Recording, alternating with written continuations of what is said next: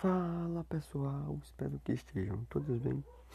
Hoje vamos ter mais um podcast sobre sinais de pontuação. Espero que estejam preparados. Sinais de pontuação: vírgula, ponto e final, ponto e vírgula, dois pontos, ponto de interrogação, ponto de exclamação, aspa e aspa altas ou coma duplas plicas ou comas simples, travessão, hífen, parêntese, curvos, angulares ou rectos, colchetes, chave ou chaveta, aliena, barra, direita e esquerda, asterisco, texto, incompleto, parágrafo. Segundo a Klebs publicada em portaria temos acento gráfico agudo, grave, circunflexo, notações léxicas, tio, trema, credilha, sinais de ligação, hífen, apóstrofo, sinais de pontuação, ponto final, ponto de interrogação, ponto de exclamação, dois pontos, ponto e vírgula, vírgula, reticências e travessão sinais auxiliares da escrita, parênteses rectos e curvos, aspas e aspas alto, asterisco, chaveta. Configuração gráfica aliena, parágrafo, espaço, linhas, palavras, letras, margem, superior, inferior, lateral. Nota. Para o nosso conhecimento, vamos ver algumas coisas interessantes aqui sobre a tablets. Que fala assim: a tablet, terminologia linguística para o ensino básico e secundário de Portugal, concebida por ilustres linguistas de, depois de uma demorada e elaborada gestação foi oficializada para entrar em vigor com numerosas e destacadas formações. Tinha, porém, um defeito básico no seu título. Parecia destinado na tonalidade aos ensinos indicados. Isto porque incluía também termos usados na moderna moderna investigação científica do ensino superior, o que põe em polvorosa que pensou que tudo aquilo seria obrigatório ensinar-se aos formados do básico e aos do secundário. Ora, desde o início que recomendei simplesmente o título Nova Terminologia Linguística NT no meu prontuário de texto na quarta versão deste livro, estão várias páginas com desenvolvimento de todos os termos das tablets e respectivas notas explicativas. Choveram críticas, algumas pertinentes, outras nitidamente injustas, outras ainda impróprias do nível acadêmico de quem as fez. As reações superiores foi encomendada uma nova versão terminológica. Ora, esta revisão também não ficou incerta de críticas, simplificou e sistematizou, mas eliminou muitos termos necessários na investigação e acrescentou outros nitidamente em excesso. A diferença fundamental foi que passou a designar-se por dicionário terminológico DT e que se estabeleceram claramente quais os termos se aplicam nos diferentes graus de ensino, o TD, esta em linha. Numa nova versão em projeto para o prontuário da texto, os termos da tablet serão substituídos pelo da TD, se esta terminologia efetivamente estabilizar e não é, aparecer uma outra revisão da revisão. Quando o assunto dos sinais gráficos em apresso de T acompanha quase o tablet acima, indica acrescentar o cardinal e as barras nos sinais auxiliares da escrita, mas faz confusão nos diacríticos. Em linhas gerais, continuo pessoalmente a apreciar a grande divisão tradicional entre os sinais que diziam respeito propriamente à ortografia e aqueles que dizem respeito à entoação na escrita. Nem sempre entendo a necessidade das petições muito pormenorizadas. E por último, pode até acontecer que surjam incoerências. Por exemplo, o tio pode ser um acento em uma palavra como manhã. O aporte não é só um sinal de ligação, é também de elisão. E então parece que deveríamos subdividir os sinais de ligação em duas categorias. Na construção gráfica, a parte semi inclui os tipos de letra maiúscula, minúscula e as formas de destaque, itálico, negrito, sublinhado, subscrito, sobrescrito, que aparece em separado nas novas terminologias. Bom, pessoal, isso foi sobre os sinais de pontuação e vamos ter novas aulas e podcasts para você aprender conosco. Obrigado e até a próxima. Até o próximo podcast. Tchau, tchau. Fala pessoal, olha eu aqui mais uma vez para começarmos o nosso podcast da gramática linguística. Bom, vamos lá. Hoje, Linha Fest traz para você os substantivos concretos. Vamos é, ver um pouco do que quer dizer substantivos concretos. Os substantivos concretos designam seres do mundo real e do mundo imaginário. Seres do mundo real, exemplo: homem, mulher, cadeira, cobra e etc. Tem muitos aí, milhares, é que é, representa o mundo real. Seres do mundo imaginário, saci, mãe da água, fantasma, mula de sete cabeças, é, e entre outros aí, tudo que foi imaginário. Um exemplo, beleza oposta. Também temos jovens atrizes veteranas, destacam-se pelo visual. O substantivo beleza designa uma qualidade. Então, por mais que os substantivos às vezes eles nomeiem as coisas, ao nosso derredor, eles às vezes vão ter o sentido de adjetivo. E isso faz com que nós prestemos atenção de como a frase ou aquele texto está, está pondo aquele substantivo. Qual é o sentido que ele vai trazer. Então, pessoal, esse foi sobre substantivo concretos. Até a nossa próxima aula e até logo. Tchau, tchau.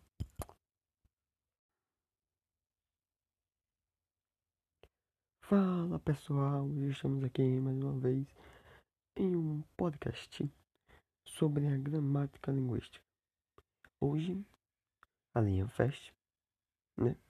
Vamos falar sobre substantivos abstratos. E começa assim: a beleza não existe por si só. Não pode ser observada. Só podemos observar a beleza numa pessoa ou coisa que seja bela. A beleza depende de outro se para se manifestar. Portanto, a palavra beleza é um substantivo abstrato. Os substantivos abstratos designam estado qualidade, ações e sentimentos dos seres, dos quais podem ser abstraídos e sem os quais não podem existir. Por exemplo, vida, estado, rapidez, qualidade, viagem, ação, saudade sentimento. Então, isso que são exemplos de substantivos abstratos. Nós podemos colocar aqui morte é um estado, doente é um estado, é, inteligente é uma qualidade, é, é, embora ação que ele foi embora, saudade, sentimento. E por aí vai, tem diversos e devemos prestar muita atenção nesse abstrato para não se confundir com o concreto. Ambos podem parecer quase é, idênticos, mas não são. São bem diferentes um do outro. Então, pessoal, esse foi sobre substantivos abstratos. E até a nossa próxima aula. Espero que vocês tenham gostado. Tchau, tchau. Fala pessoal, estamos aqui mais uma vez no podcast da Linha Fest e hoje, sobre a gramática linguística portuguesa, vamos falar sobre a flexão dos substantivos. Flexão dos substantivos é a propriedade que as palavras têm para indicar o sexo. Sexo, entendeu?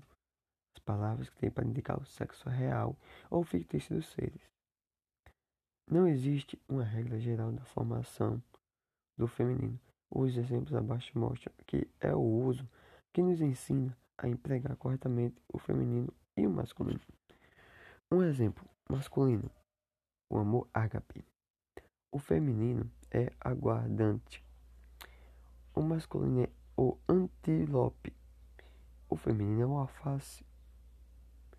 O masculino, o clã os femininos a abusão, os masculinos o caudal, femininos é a aluvião, masculino é o campanha, o feminino é a análise, o masculino é o contralto, o feminino é a cólera, o masculino é o diabetes, o feminino é a cal, o masculino é o diadema, o feminino é a dinamite. O masculino é o dogma. A feminina é a elipse. O masculino é o eclipse. E a masculina é a faringe. O masculino lança perfume. O, mas, o feminino é a foto. O masculino é a homilha. A feminina é a libido. O masculino é o sanduíche. A feminina é a omoplata. O masculino é o saca-rolhas. A feminina é a ordenança. O masculino é o soprano. O feminino é a personagem. O masculino é o suéter. A feminina é a sentinela. O masculino é o telefonema. A feminina é a síndrome. O masculino é homicida. E a feminina é a vertigem. Bom, pessoal, esses estão aqui de uma das flexões de substantivo, né? Lembrando que sub, flexão de substantivos é a propriedade que as palavras têm para indicar sexo, real ou fictício. Então, galera, espero que tenham gostado, curtiram esse podcast para vocês aí aprenderem mais e espero ter contribuído bastante no desenvolvimento do ensino de vocês. Até a nossa próxima aula e tchau, tchau.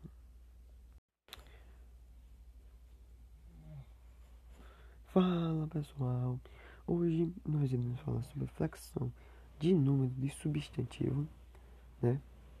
Um aulazinho de podcasts para vocês da gramática linguística da linha FAST. Bom, vamos lá. Provavelmente, a mais fácil de se fazer a flexão substantiva de número diz respeito a colocá-los no singular ou no plural. De maneira geral, na língua portuguesa, o plural é demonstrado como a inclusão da letra S nos fins das palavras, mas como é típico de nosso idioma, há exceções para essa regra. Se o plural de colegas é colegas e o plural de menina é meninas, a mesma regra não pode ser dita para aquelas palavras que terminam com as letras A, L, E, L, O, L e U, L. Nessas devemos trocar a letra L por IS. Na prática, papel, papéis, jornal, jornais, barril, barris anzol, anzóis, anel, anéis e azul, azuis.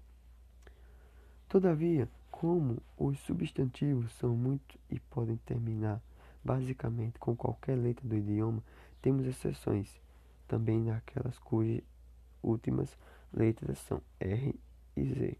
Para flexioná-los, devemos adicionar o sufixo S. Por exemplo, amor, amores, do, dores, luz, luzes e cruz, cruzes. Se temos paroxítonas terminadas em S, o plural é sempre invariável. Por isso, palavras como ônibus são idênticas quando flexionadas. Substantivos como Z também não variam. Portanto, os geros e os geros são a maneira certa de se escrever. Mas, caso essa palavra termine em S, sejam oxítonas, elas ganham o sufixo S para se tornarem plurais. Pense, por exemplo, em país, que flexionam-se com países. Todos os subjetivos terminam em N, formam plural em S ou S. E o caso de pólen e pólens, ou terminados em M flexionam-se com a adição do ens, como armazém, que viram armazéns. Por último, tudo que termina em ão pode virar ons, ans ou aos, depende da palavra que estamos flexionando. Eleição vira eleições, mais pão vira pães e cidadão transforma-se em cidadãos. Se o plural dos substantivos simples parecer complicado, o dos compostos pode fazê-lo se sentir um pouco mais perdido. Por isso, reforce os conhecimentos acima antes de começar a estudar. Então, pessoal, vocês viram que o flexão substantivo é bastante importante. Se vocês não conseguirem aprender ele, não vai ter como vocês aprenderem o substantivo composto, que é um pouco mais complexo, um pouco. Então é isso. Até a nossa próxima aula. Espero que tenha curtido. E tchau, tchau. Fala pessoal, espero que estejam todos bem. E hoje vamos ter mais um podcast sobre flexão de gênero aqui na linha Fest. E vamos começar falando o seguinte. Uma confusão muito comum para quem está aprendendo sobre substantivos ocorre geralmente com os conceitos de sexo e gênero. Nunca pense que os dois são a mesma coisa. Os gêneros dizem respeito a todos os substantivos da língua portuguesa, sejam eles dotados de sexo ou não. Por exemplo, o gato, a gata, a mesa, a mulher, o telefone e o caderno são considerados masculinos os substantivos que geralmente seguem os artigos o, os, um, uns. Já costumam-se ser prescindidos dos artigos a, as, uma, umas. Até mesmo alguns substantivos referentes a animais ou a pessoas apresentam uma discrepância entre gênero e sexo. Conjugue por exemplo, sempre será uma palavra masculina, ainda que o termo esteja se referindo a uma pessoa do sexo feminino. O principal instrumento que temos para classificar um substantivo quanto ao gênero e o artigo é ele que diferencia quando um substantivo, como estudante, é feminino ou masculino, visto que a palavra em si não deixa isso explícito. Temos na língua portuguesa dois gêneros e substantivos uniformes e biformes, chamados de uniformes aqueles que têm uma forma única para ambos os gêneros, como é o caso do comuns de dois, como estudante. Nele, o gênero precisa ser diferenciado pelo artigo, caso contrário será desconhecido. Outros exemplos de substantivos que se comportam assim: a capitalista, o capitalista, o cliente, a cliente, o agente, a agente, o colega, a colega, a dentista, o dentista, a doente, o doente, o fã, a fã, o gerente, a gerente, a imigrante, o imigrante e a jornalista, o jornalista. Não é complicado entender ou flexionar estes quando gênero abastando aplicar o artigo adequado.